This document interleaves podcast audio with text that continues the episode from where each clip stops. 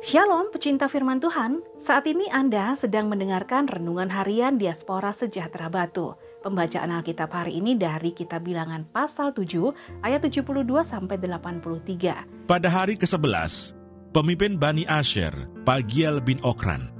Persembahannya ialah satu pinggan perak, 130 sikal timbangannya, dan satu bokor penyiraman dari perak, 70 sikal beratnya, ditimbang menurut sikal kudus Keduanya berisi tepung yang terbaik, diolah dengan minyak untuk korban sajian. Satu cawan, sepuluh sikal emas beratnya, berisi ukupan.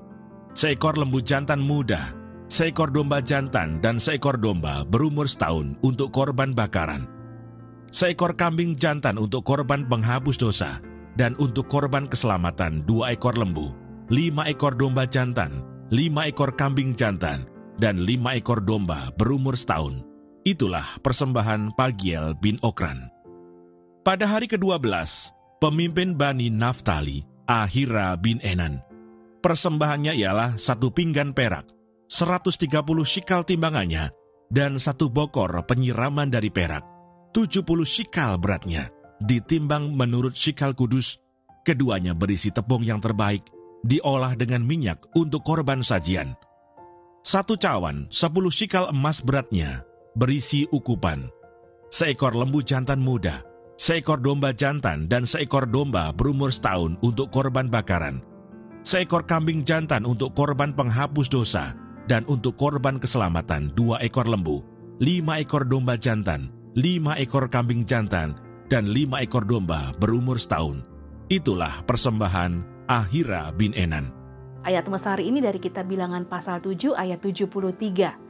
Persembahannya ialah satu pinggan perak, 130 sikal timbangannya, dan satu bokor penyiraman dari perak, 70 sikal beratnya, ditimbang menurut sikal kudus.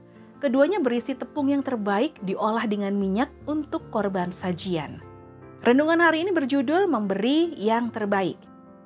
Persembahan merupakan bagian yang penting dalam kehidupan bangsa Israel. Persembahan yang mereka berikan bertujuan hanya untuk membangun hubungan dengan Tuhan dan bukan supaya bangsa Israel diberkati. Dalam memberikan persembahan, Allah menuntut supaya bangsa Israel memberikan persembahan yang terbaik, yaitu yang sesuai dengan kriteria yang sudah Allah tetapkan. Persembahan dalam Perjanjian Lama merupakan bayangan dari persembahan yang akan dilakukan oleh Yesus. Sedangkan dalam Perjanjian Baru, persembahan yang terbaik telah Yesus teladankan yaitu dengan memberikan tubuhnya sebagai persembahan yang kudus, tidak bercela, sehingga memberikan dampak yang sempurna bagi manusia. Kita orang-orang yang percaya kepada Kristus telah menerima persembahan yang sempurna dari Yesus.